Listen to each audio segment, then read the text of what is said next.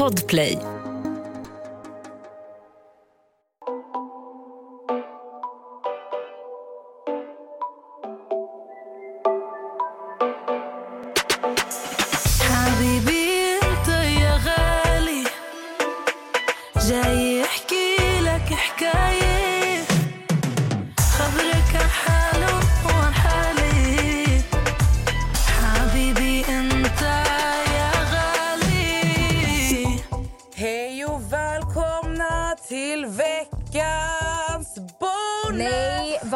Nessa. Vadå bo? Alltså jag, jag fick verkligen upp stämman. Jag verkligen kämpade. Okej, vi kör om. Hej och välkomna till veck... Vad säger jag för något? Veckans avsnitt. Hej och välkomna till vecka... Till ett nytt avsnitt. Ja, Ja, oh my säger god. Hej och välkomna till ett nytt avsnitt!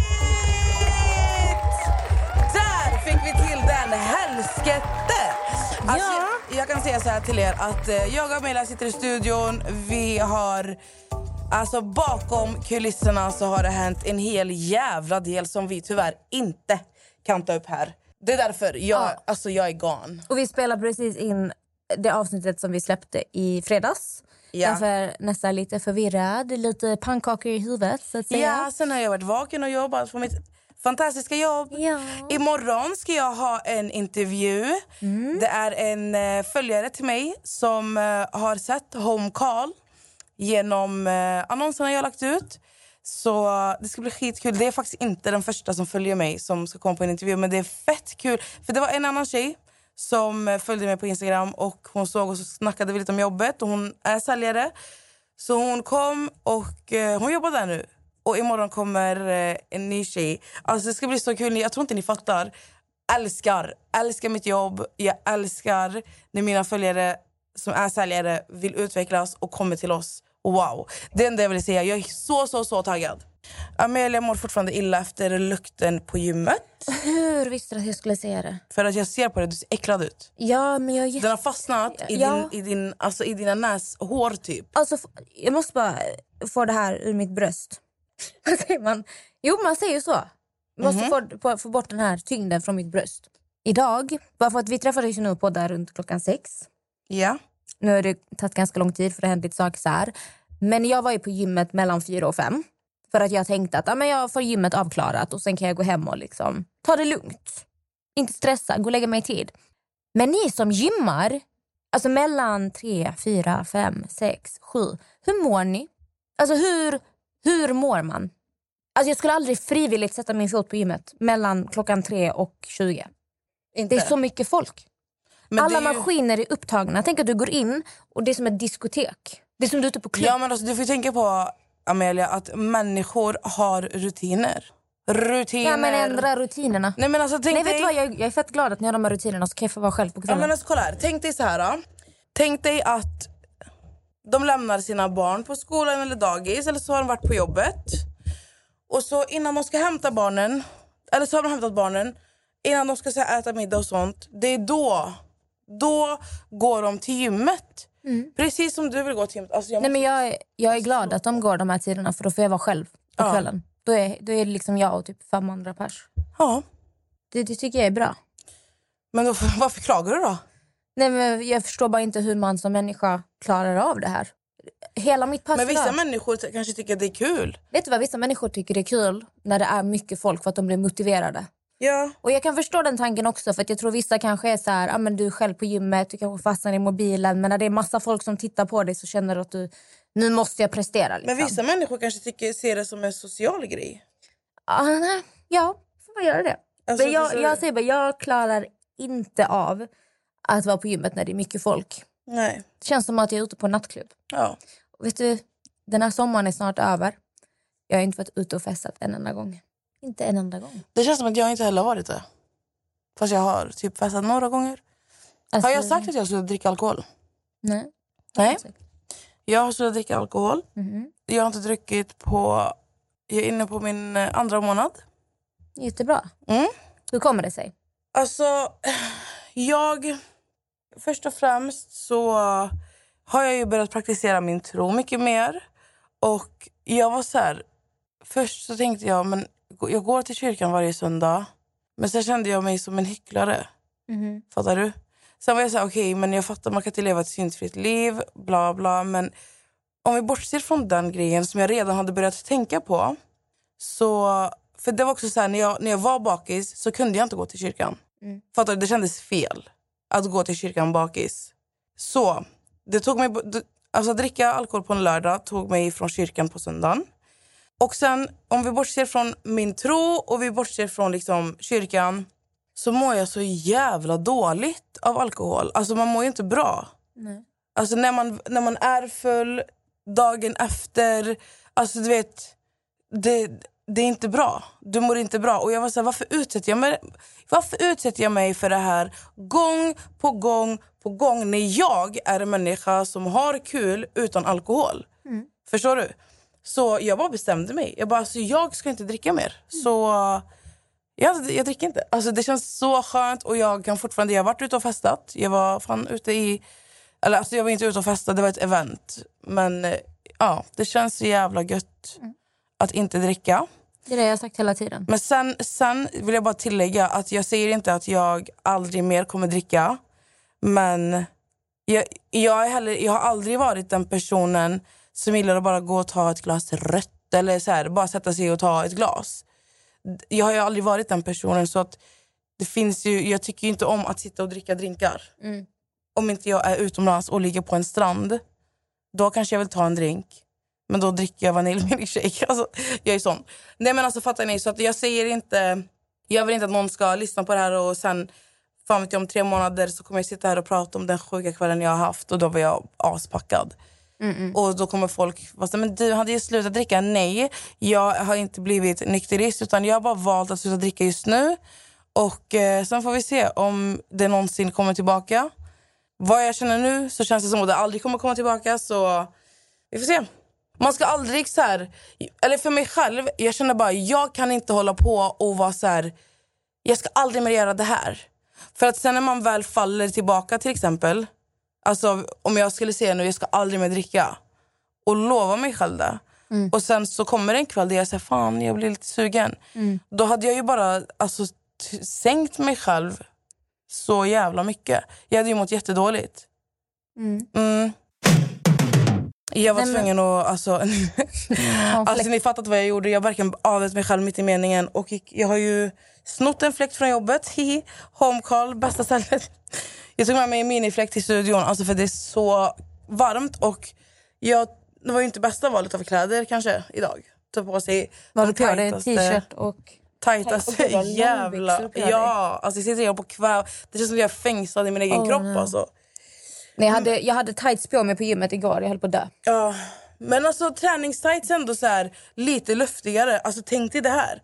Det, Nej, men alltså, du vet så fort du går på toaletten och ska dra upp de här tightsen igen. Och samma sak med shorts och vad den är. Alltså, det, bara, ja, men förstår du? det, är för, det, för, det går inte. Nej. Men eh, jag, tror, jag tror aldrig jag skulle säga det här men eh, det ska bli skönt när det blir lite svalare. Man ska inte säga så egentligen för att vi har liksom vinter, regn, kyla nio månader om året. Men tycker du inte, alltså tycker du inte att det verkar som att alltså vi har, att alltså det, det börjar bli ljusare lika mycket som, att, som det är mörkt nu för tiden? Förstår du vad jag menar? Det känns som att tiden, alltså, tiden har börjat förändras. Jo, alltså, du menar att det blir mörkare snabbare nu? Nej, jag menar att vi pratar ju om att så här, ja, men vi lever i mörker och kyla alltså åtta månader om året, fattar du? Och så har vi bara no, alltså, några år... äh, Några, Alltså vi har typ tre månader fint väder i Sverige. ja, men jag tycker ändå att det har börjat tidigare och slutar senare. Det börjar ju tidigare. Nej, Jag vet inte om du är helt från vettet nu, men vi hade ju typ ingen vår. Det hade vi ju. Nej, våren var kaos. Det var jättekallt, regn. Det blev, det Men jag blev bara sommar ju, direkt. alltså jag gillar ju det. Jag gillar ju varmt, eller vet du det, kallt och regn. Jag älskar ju det. Så att, Men usch. och hösten är ju den bästa tiden Nej, på men året. sluta nu. Alltså, Nej. jag älskar sommaren, det gör jag. Men jag tycker det är fruktansvärt jobbigt när man inte kan svalka sig någonstans. Det finns ingen pool, jag har ingen AC hemma, det finns ingenting. Inte ens mitt gym har en fungerande AC. Nej, då tycker jag att du ska ta och säga det till chefen. Poddtips från Podplay. I fallen jag aldrig glömmer djupdyker Hasse Aro i arbetet bakom några av Sveriges mest uppseendeväckande brottsutredningar. Går vi in med hemlig telefonavlyssning och, och då upplever vi att vi får en total förändring av hans beteende. Vad är det som händer nu? Vem är det som läcker? Och så säger han att jag är kriminell, jag har varit kriminell i hela mitt liv men att mörda ett barn, där går min gräns. Nya säsongen av Fallen jag aldrig glömmer på Podplay. Alltså, jag tycker bara vi ska prata lite om dating alltså. Men ska du, hur länge har du fastnat på dating? Men alltså jag har ju fastnat. Varför? Du vill ju vara singel och du vill inte dejta, du tycker inte om att dejta, du tänker- dejtar inte. Så varför har du fastnat på just dating? För jag tycker det är så intressant när folk ställer frågor. Alltså inte dating, dating kanske är fel ord, men relationer. För att, kolla här, på mina frågestunder så brukar det ju vara människor som ställer mycket frågor om alltså dilemman de har. Och ibland så tänker jag så här, alltså jag älskar och uppskattar så, så, så mycket att människor vänder sig till mig och har ett förtroende för mig. Men alltså jag undrar ju, Amelia, ibland. Alltså, så, ja, där kommer svettrand från rumpan, Amelia. Du som pratade om bajsranden förra avsnittet. Svettrand från rumpan. Jag har inte ens duschat efter gymmet. Har han inte? Fräscht. Ja. Då är du exakt lika ofräsch som det vi pratade om förra avsnittet. Ja. Jag kom direkt från gymmet Alltså hon har alltså suttit här och pratat om ofräsch när hon har varit den som har varit ofräsch.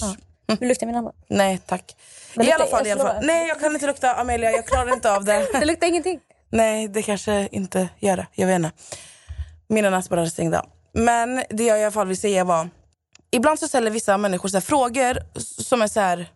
Men du vet ju svaret. Mhm. Alltså du vet ju vad svaret är. Som vad? Min kille har varit otrogen. Mm. Ska jag lämna, ska jag förlåta eller vad ska jag göra? Där, där blir jag så här... ah, Okej, jag förstår att för vissa, man kan, man, man kan fastna där. Mitt svar, alltså min personliga egna åsikt är... Vill du förlåta personen så kan du förlåta. Men gå tillbaka till personen, där är du orättvis mot dig själv. För att kommer du, jag, det är det här jag skriver till allihopa. Jag säger, kommer du kunna leva i det här förhållandet utan att tänka på vad din partner har gjort mot dig? Och då är allt, ofta, alltså svaret är oftast att de, alltså det stör dem. Vilket är logiskt. Och då är det som en, då är det ju, jag ty, tycker, okej lyssna nu Amelia, nu måste jag, hör ni hur jag får kortslutning? För jag, behöver, jag vill bara, jag vill säga sju meningar samtidigt. Men jag har en fråga till dig Amelia. Du har en kille, ni har varit ihop i fem år. Ni har bott med varandra i fem år. Så att du och ni, har- alltså, ni har ju haft era toppar och dalar som alla andra. Så nu ska jag ställa en fråga till dig. Tycker du, om Max hade varit otrogen mot dig, hade du först och främst kunnat förlåta honom? Det vet jag inte. Nu, nu ser vi att det har varit jättebra mellan er. Ni har haft det superbra med varandra för att det är så jag har fått förklara till mig de flesta gångerna. Ni har haft det jättebra med varandra men du får reda på att han har haft sex med en annan tjej. Mm. Förlåter du honom? Nej. Alltså, det, det, alltså, Så här. jag vill aldrig uttala mig om hur det är med så här, för att vet, det finns folk som alltså, har barn och de har gått igenom... Alltså, tänk dig att vara tillsammans med någon i tio år. Ni har två barn tillsammans, ni har ett Ja, men, företag nu, men nu tillsammans. pratar vi inte om barn. Nej men jag menar generellt sett, alltså, du frågar mig. Vi har två hundar tillsammans, jag är bonusmamma. Det är enkelt att säga alltid bara så men ah, det är klart att man, man vill ju tänka.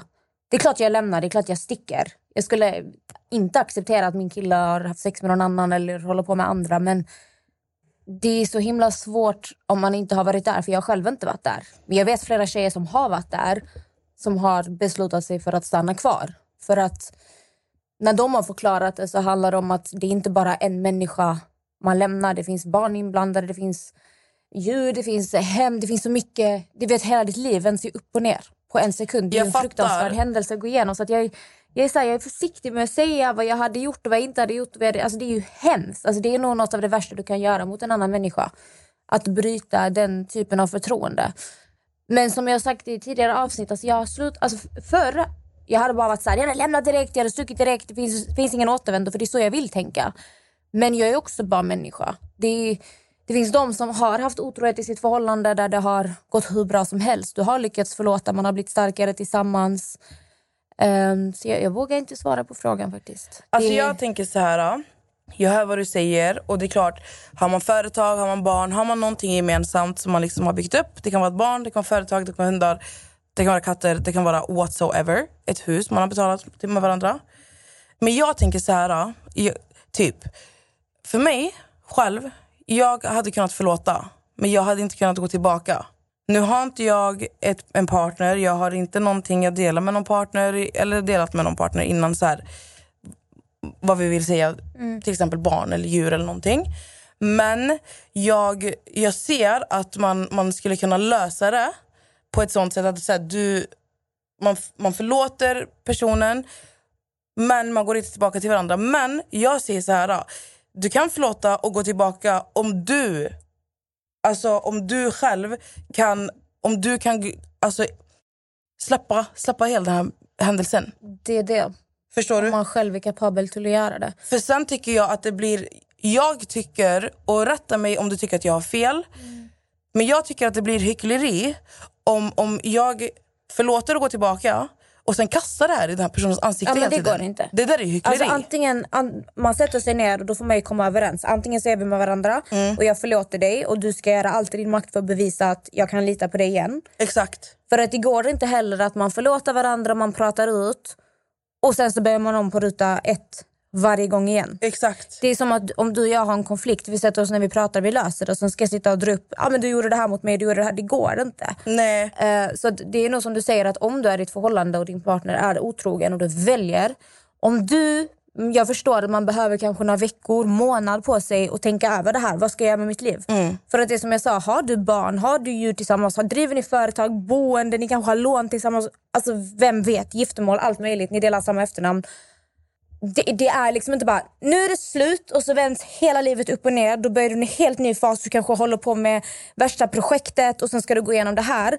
Det är inget enkelt beslut att ta.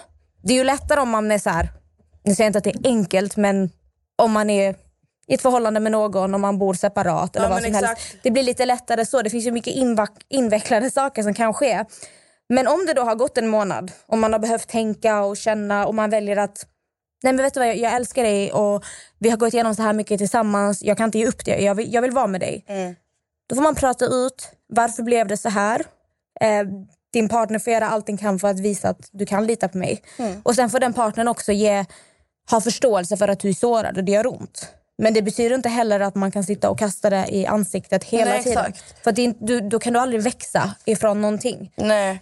För det, jag pratade med en person som eh, tidigare hade varit otrogen och blev förlåten och gick tillbaka till förhållandet. Och varje gång de hamnade i en konflikt så drogs det här upp.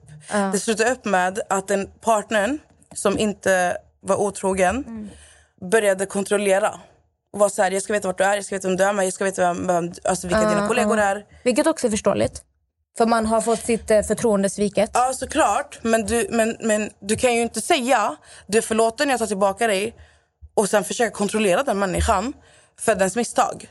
Då är du ju elak mot dig själv och mot personen. Då är du en hycklare. Ja, men då går man in i en eh, toxic fas i sitt förhållande istället. Och då kanske den här personen inte egentligen kan gå vidare från det och vara kvar i förhållandet. Men sen tycker jag också liksom att man kan inte heller... Om jag är otrogen och min partner väljer att förlåta mig då måste jag ju också någonstans ha förståelse för att jag har brutit ett förtroende. Allt vi har byggt. För det är så här, ett förtroende, det tar år att bygga upp. Men det går så här snabbt att förstöra Ja. så här snabbt. Du, du bryter ner allting. Så jag tycker också att det är viktigt att man har någon typ av överseende. För att du har brutit ett förtroende. Alltså, att bli sviken av personen som ska vara den som finns där genom allt. Det är fruktansvärt. Och jag tycker också att det blir så fel. För att om vi kollar på alla de här kändisarna. Vi har eh, Khloe Kardashian. Men jag tycker det blir så fel för att man ska alltid rikta fokus för, alltså av min erfarenhet, det är oftast män som är mer otrogna mot kvinnor än vad det är kvinnor som är otrogna mot män. Min erfarenhet, jag pratar inte om studier eller vad som helst, men man ska alltid peka finger på kvinnan. Hur kan du gå tillbaka? Hur kan du ta tillbaka honom? Alltså, vi bara kollar på Khloe Kardashian. Man ger henne all skit för någonting hennes partner har gjort mot henne. För man anser att hon är svag för att hon tar tillbaka honom eller hon stannar. Men det visar också att även om du har alla pengar i världen, du har så mycket makt, inte ens hon tycker att det är lätt att lämna sin partner. Mm. Det är, det är liksom det är inte lätta saker vi pratar om och det är jättelätt att sitta med facit i handen och säga jag hade gjort si eller jag har gjort så. Så här ska man göra men Jag hade faktiskt velat ta in någon i podden som typ har varit ett med. par som har gått igenom det här. Ja, det hade varit så intressant att bara ställa frågor och veta. Så om, ni, om ni vet någon så får ni jättegärna skriva till oss. Ett poddtips från Podplay. I fallen jag aldrig glömmer djupdyker Hasse Aro i arbetet bakom några av Sveriges mest uppseendeväckande brottsutredningar. Går vi in med hemlig telefonavlyssning och, och då upplever vi att vi får en total förändring av hans beteende. Vad är det som händer nu? Vem är det som läcker? Och så säger han att jag är kriminell, jag har varit kriminell i hela mitt liv men att mörda ett barn, där går min gräns. Nya säsongen av Fallen jag aldrig glömmer på Podplay. Ja, men för jag tycker det, alltså, oavsett vad det är för typ av relation, om man är bästa vänner. Det gör så jävla ont att bli sviken av någon på ett sånt sätt som man, även om det skulle vara en vanlig vänskap, att någon nära vän gör någonting mot dig som du aldrig hade gjort mot personen. Exakt. Det gör ont som fan. Sen kan det också sätta sig på ens självförtroende. Man, man börjar så här ifrågasätta om det, det är mig det är fel på. Duger jag inte? Alltså förstår du? Och det är väl också det som blir grejen att om, om man är med om att man har en partner som har varit otrogen eller vad som helst, det är viktigt att komma ihåg att, för jag tror många, många blir liksom besatta av personen som ens partner var otrogen med. Låt oss säga att min kille var otrogen, det är klart att jag kommer söka upp den här tjejen och jag kommer bli så här, vem är hon? Vad hon som inte jag har? Men det är inte det det handlar om. Det handlar inte om att bara för din partner har varit otrogen så handlar det inte om att den här personen är snyggare än dig eller bättre än dig. Utan det brister ju någonstans hos din partner. Mm. Det är en osäker som, osäkerhet som ligger där. Något tumrum som behövs fyllas. Bekräftelsebehov, vad den kan vara. Det är aldrig fel på personen som blir, eller blir offret i hela den här situationen om man säger så.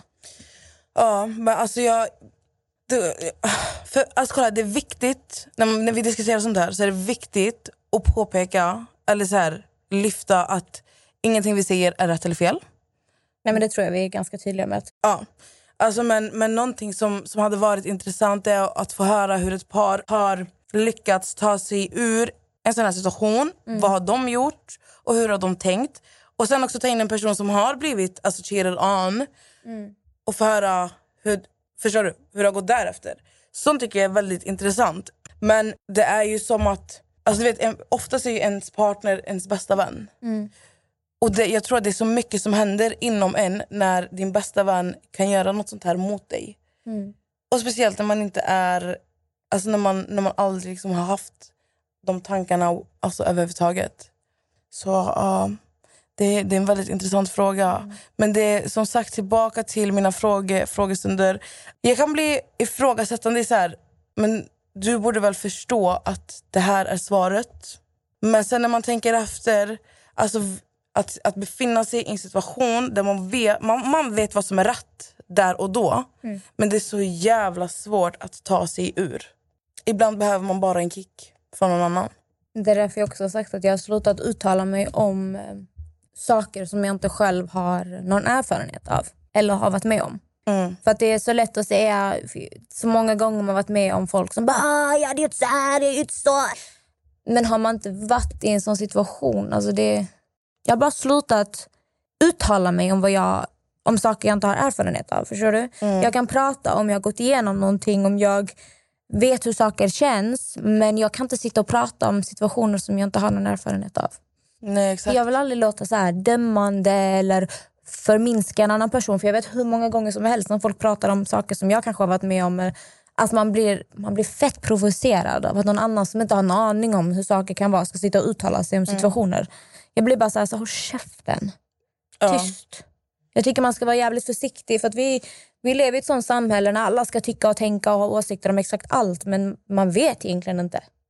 Alltså, ja. Men människor är ju också fett jävla dömande. Vet du vad jag också tror det handlar om? Det handlar om att vi människor, vi vill oftast känna att vi är okej. och vi duger. Så om du får höra saker om andra människor så blir det, det blir lite som en tröst för dig. Att du känner att du är bättre på något sätt för att du får höra att någon annan har gjort något fel eller si eller så. Ja, exakt. Och Det är väl också det som gör att man blir ganska dömande för att folk blir så här, haha, jag hade aldrig gjort så, jag är inte så, jag är inte si. Fast man egentligen har gjort en miljon andra saker. Mm. Men det är så lätt att sitta och döma andra människor för vad de har gjort än att sitta och ta tag i sina egna problem till exempel. Ja, alltså... Men det, det är ju alltid lätt. Det är ju så lätt att skylla ifrån sig. Alltså förstår du? Det var inte jag, det var han. Förstår du? Ja, men det Och märker det, blir ju, det blir ju ett sånt tillfälle också. Alltså där man, man skiftar gärna fokus. Gör man. Alltså Ja. Man lägger gärna fokus på att klaga på de andra som de ger sig i. Jag vet De inte hur många, hur många gånger jag har hamnat i situationer där någon kanske har sårat mig. Och jag har sagt till personen att du gjorde så här och så här, du gjorde mig ledsen. Men istället för att personen vill ta någon form av ansvar över att jag faktiskt har blivit sårad och någonting den personen har gjort har sårat mig. Så vill personen ge mig tio olika anledningar till varför de inte har sårat mig. Och varför de har gjort rätt. Och jag tror det är så de flesta människor fungerar för att man vill oftast inte se att man har gjort någon annan ledsen. Kanske också för att man inte har haft en avsikt av att göra någon annan ledsen. Eller ta... Men där tror jag, jag tror det där, kolla här. Jag hör vad du säger men jag tror det där beror lite på vad det är för situation. Förstår du? För att jag kan säga så här, jag är en människa, jag, jag är fett rak och ärlig när det kommer till mina vänner och sånt. Men sen så kan jag, jag kan bära på väldigt mycket. Jag håller gärna tyst än att skapa alltså, någonting. För jag är så här, jag orkar inte lägga min energi, alltså en onödig energi på, på, alltså, på någonting jag vet kommer att alltså, det kommer utlösas till, till något stort. Så att, alltså, jag bygger ju på, jag bygger hellre på och sen när jag får nog, då får jag nog. Men jag, jag kommer nog inte lägga de här, an, de här tio anledningarna som du pratar om. Kommer jag inte kasta i den personens ansikte. Om den, alltså, Men det är inte det jag säger. Jag säger bara att det är väldigt ofta när man faktiskt förklarar för någon varför man är upprörd eller ledsen. Så istället för att personen vill ta ansvar eller förstå så vill den istället bara försvara sig själv och då kommer man ingenstans. Alltså skulle du komma till mig och bara Amelia jag måste prata med dig. Eh, när det här och det här hände så sa du så här och du fick mig att känna mig så här. Eh, du fick mig att känna mig dum eller du gjorde det här och jag ska bara Fast alltså nej, så, nej så, så är det inte alls. Så, så, så, alltså, förstår du vad jag menar? Att istället för att jag bemöter dig med att Oj, vet du vad? Jag tänkte inte på det. Förlåt. nej, alltså, ja, jag fattar vad du menar. Jag, jag menar inte att du sitter och tänker- bygger upp utan mer att det Nej, finns nej. väldigt många människor som har svårt att ta ansvar för. Ja, alltså jag tänker, alltså för mig är det i såna fall, alltså det jag försöker säga är om du skulle komma till mig och säga till mig Vanessa, du har fått mig att må så här. Jag kan ju inte säga till dig att du inte har mått så där. Då kan jag bara be om ursäkt för att du har mått så där.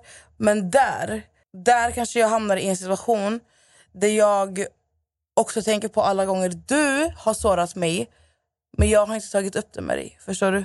Ja, fast då blir det också fel. För att, Men jag tar inte upp det ändå. Men då, då är det så här, då säger jag hellre att alltså, ska du...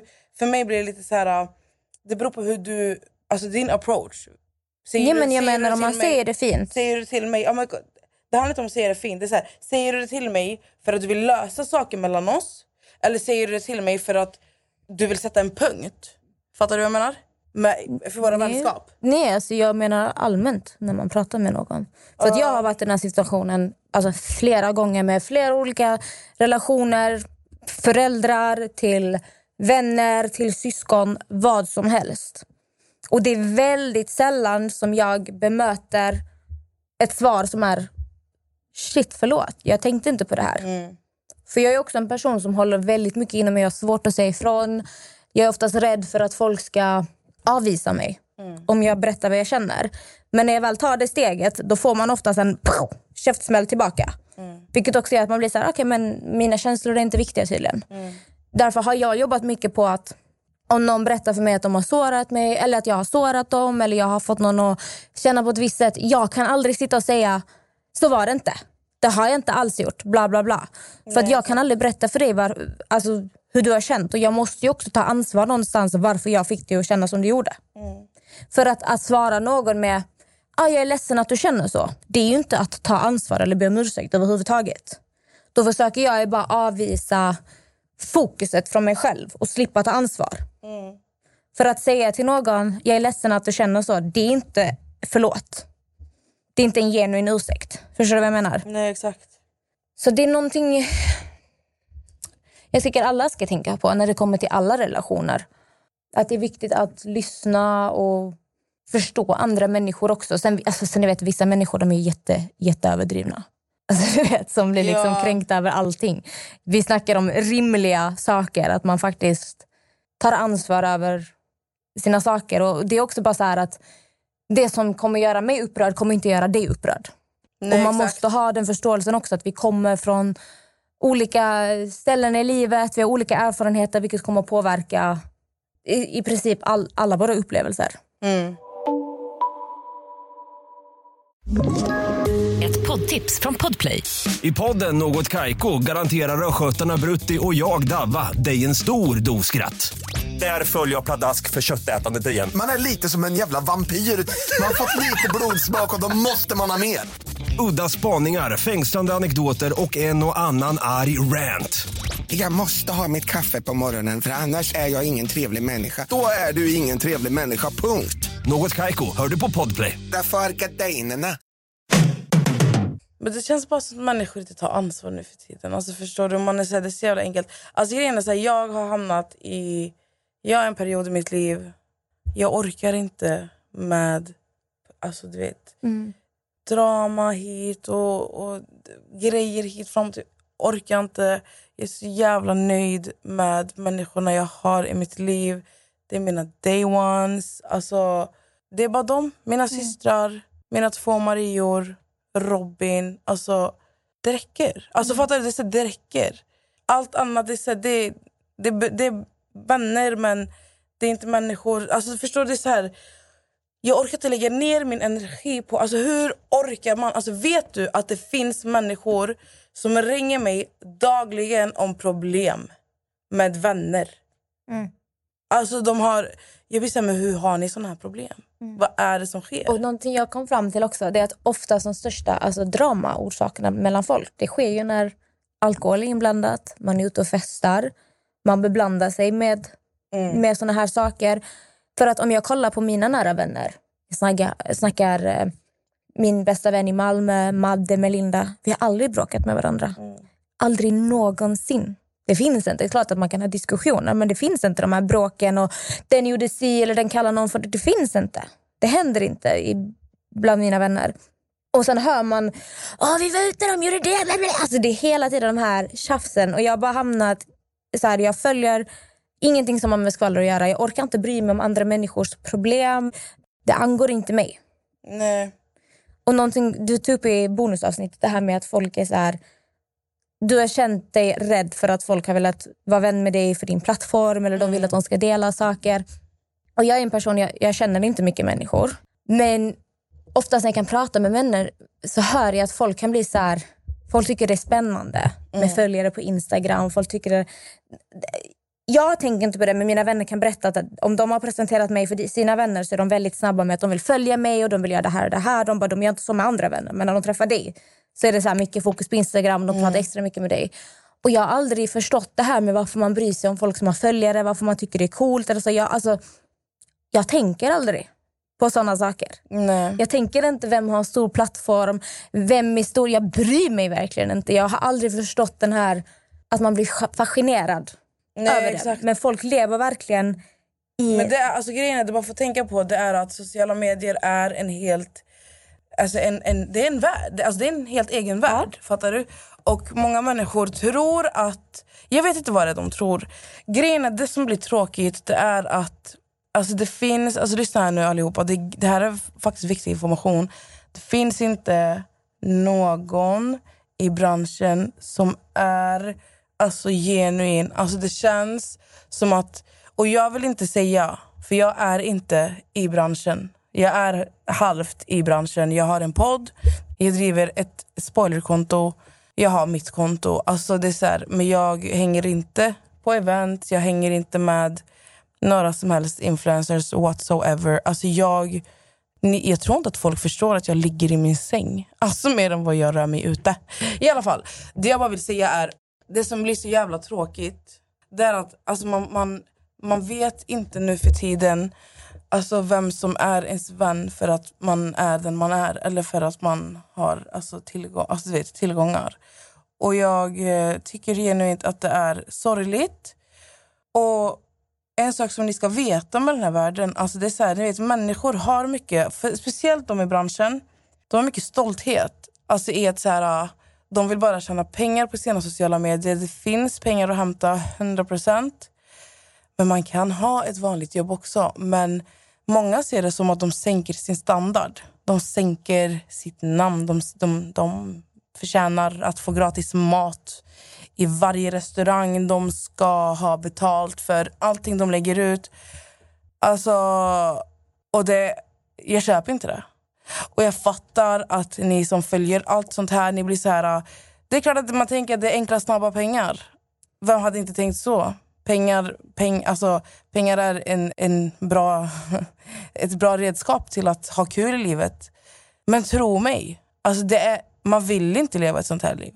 Alltså ni har, det- ni har det bra, ni kan, göra det, ni kan göra det bättre av att inte ha mycket följare på Instagram. Det är allt jag vill säga. Nu låter det bara... Alltså, men jag pratar om den riktiga fucking sidan av sociala medier. Mm, Det är lite Så. som en... eh, Alltså folk blir helt... När de väl kliver in i den branschen så är det som att de tappar sig själva ganska mycket. Ja, ja, ja. Alltså det är, Verkligen. allting handlar om... För jag vet, suttit på vissa middagar och de ska bara filma en viss typ av människor. Fast de inte ens pratar med dem så är det de de vill visa upp på sin story. De taggar folk som de inte ens umgås med för att allting, det ska bara se bra ut. Ja, men exakt.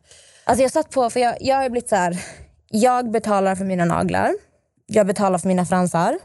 Jag tycker det är så mycket skönare än att gå och göra samarbete med liksom allting. Mm. Jag tycker det är skönt. Jag går in, jag betalar, jag gör mitt. Jag behöver inte sitta och... Ja, men rätt. Vissa saker jag samarbetar med, vissa har jag inte. Men jag vet, reagerade på det för jag satt på salongen en gång. Och en tjej hon bara ah. Hon ville typ försöka sälja in att hon ville ha ett samarbete med dem på salongen. Hon bara ah, jag, har, jag har snart 6000 följare, jag har jättemycket följare. Jag satt där helt tyst. Jag bara alltså... Alltså, vet, för hon ville att de skulle bli så här, wow du får gratis men de, de erbjuder inte henne gratis. Och, du vet, inte för som, men du vet, där sitter jag med över 70 000 följare och jag skulle aldrig Alltså jag skulle aldrig ens kunna tänka tanken och bara, alltså det här är min Instagram, jag har så här mycket följare så jag, vill, jag tycker inte jag ska behöva betala. Men du vet, när hon sa det, jag har nästan 6 000 följare, jag bara, vad fan, Mm. vad fan alltså. Nej, är alltså, jag, ja. dig. jag har aldrig någonsin, alltså, jag har aldrig någonsin skyltat. Jag kommer aldrig skylta med min Instagram. Alltså, vet ni, mina vänner kan vara så ibland, de kan säga driva, de säger vet ni vad det här är eller? Men jag har aldrig någonsin gått in på en restaurang, visat upp min Instagram, alltså mina Instagram-konton. Jag har aldrig någonsin gått, alltså jag har aldrig skyltat med min Instagram. Jag kommer aldrig göra det för att jag kan betala inträde 150 spänn. Jag kan betala min mat för 500 spänn. Period. Ja, jag äter för 500 när jag äter ute. Och det händer alltså knappt en gång per år. I alla fall, alltså jag kände bara att det blev Ja, lite är rantigt jätte- här. Ja, det behövdes prata Alltså det behövdes. För det har hänt så mycket som sagt bakom kulisserna. Och nu är det en ny vecka. Det här är andra veckan nu som vi går ger oss in på. Ni vet, av tillbaka på rutiner. Och nu den här veckan så kommer det ett nytt gäng tillbaka. Ni som har semester, ni kommer tillbaka till jobbet. Och ni ska gå tillbaka till skolan. Ni ska börja skolan. Vissa av er som har kommit in på skolan eller som ska tillbaka till skolan. Jag vill önska er alla alltså, den bästa veckan någonsin. Och snälla alla ni som börjar skolan och som börjar gå tillbaka till jobbet och som börjar ett nytt jobb och allt det här. Le mot varandra, var snälla mot varandra. Om ni märker att någon Alltså, om ni ser att någon är utanför eller ni ser att någon känner sig obekväm, den är obekväm, den ser inte glad ut eller den ser förvirrad ut eller den ser ledsen ut. Alltså gå fram. Gå fram, säg hej, hur mår du, vad händer? Var inbjudande, ta in dem. Alltså, gå och käka lunch med varandra eller sitt på raster med varandra. Häng med varandra, peppa varandra och alltså, älska varandra. Helt ärligt, vi har bara varandra och vi, vi, vi kan lyfta varandra. I, i varandra. Varandra, varandra. Nej men alltså förstår ni, alltså, var, var bara så här inbjudande. För det är som, som sagt, vi vet aldrig vad den andra personen bär på. Vi vet aldrig vad människor har gått igenom. Alltså, vi vet aldrig vad de går igenom. Så det är väldigt viktigt. Alltså, du som lyssnar på det här, du har en påverkan. Det räcker med att du bara ger ett leende till en människa på bussen, på tåget. på väg hem, i Hemköp, vart ni än är. Bara i ett leende. Vet ni hur mycket det kan förändra en annan människas dag? Så, nu sprider vi kärlek. Tack för att ni lyssnade på avsnittet. Det har varit toppar och dalar här nu när vi har pratat om eh, allting. Nu ska vi rulla hem. Jag ska hem och duscha och sova. Jag önskar er en fantastisk vecka. Och som sagt, älska varandra, finns för varandra. Och är det någonting ni behöver så vet ni att ni alltid kan höra av er till mig. Puss och kram! حبيبي انت يا غالي جاي يحكي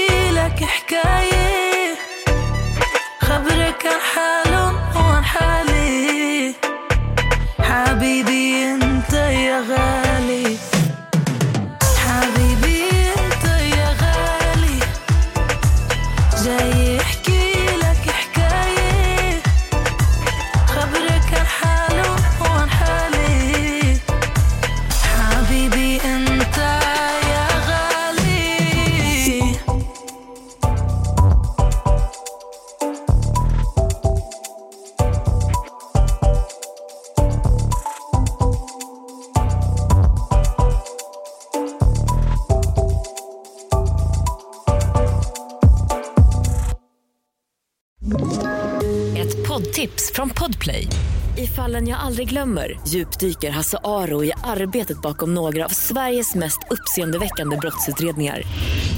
Går vi in med hemlig telefonavlyssning och, och då upplever vi att vi får en total förändring av hans beteende. Vad är det som händer nu? Vem är det som läcker?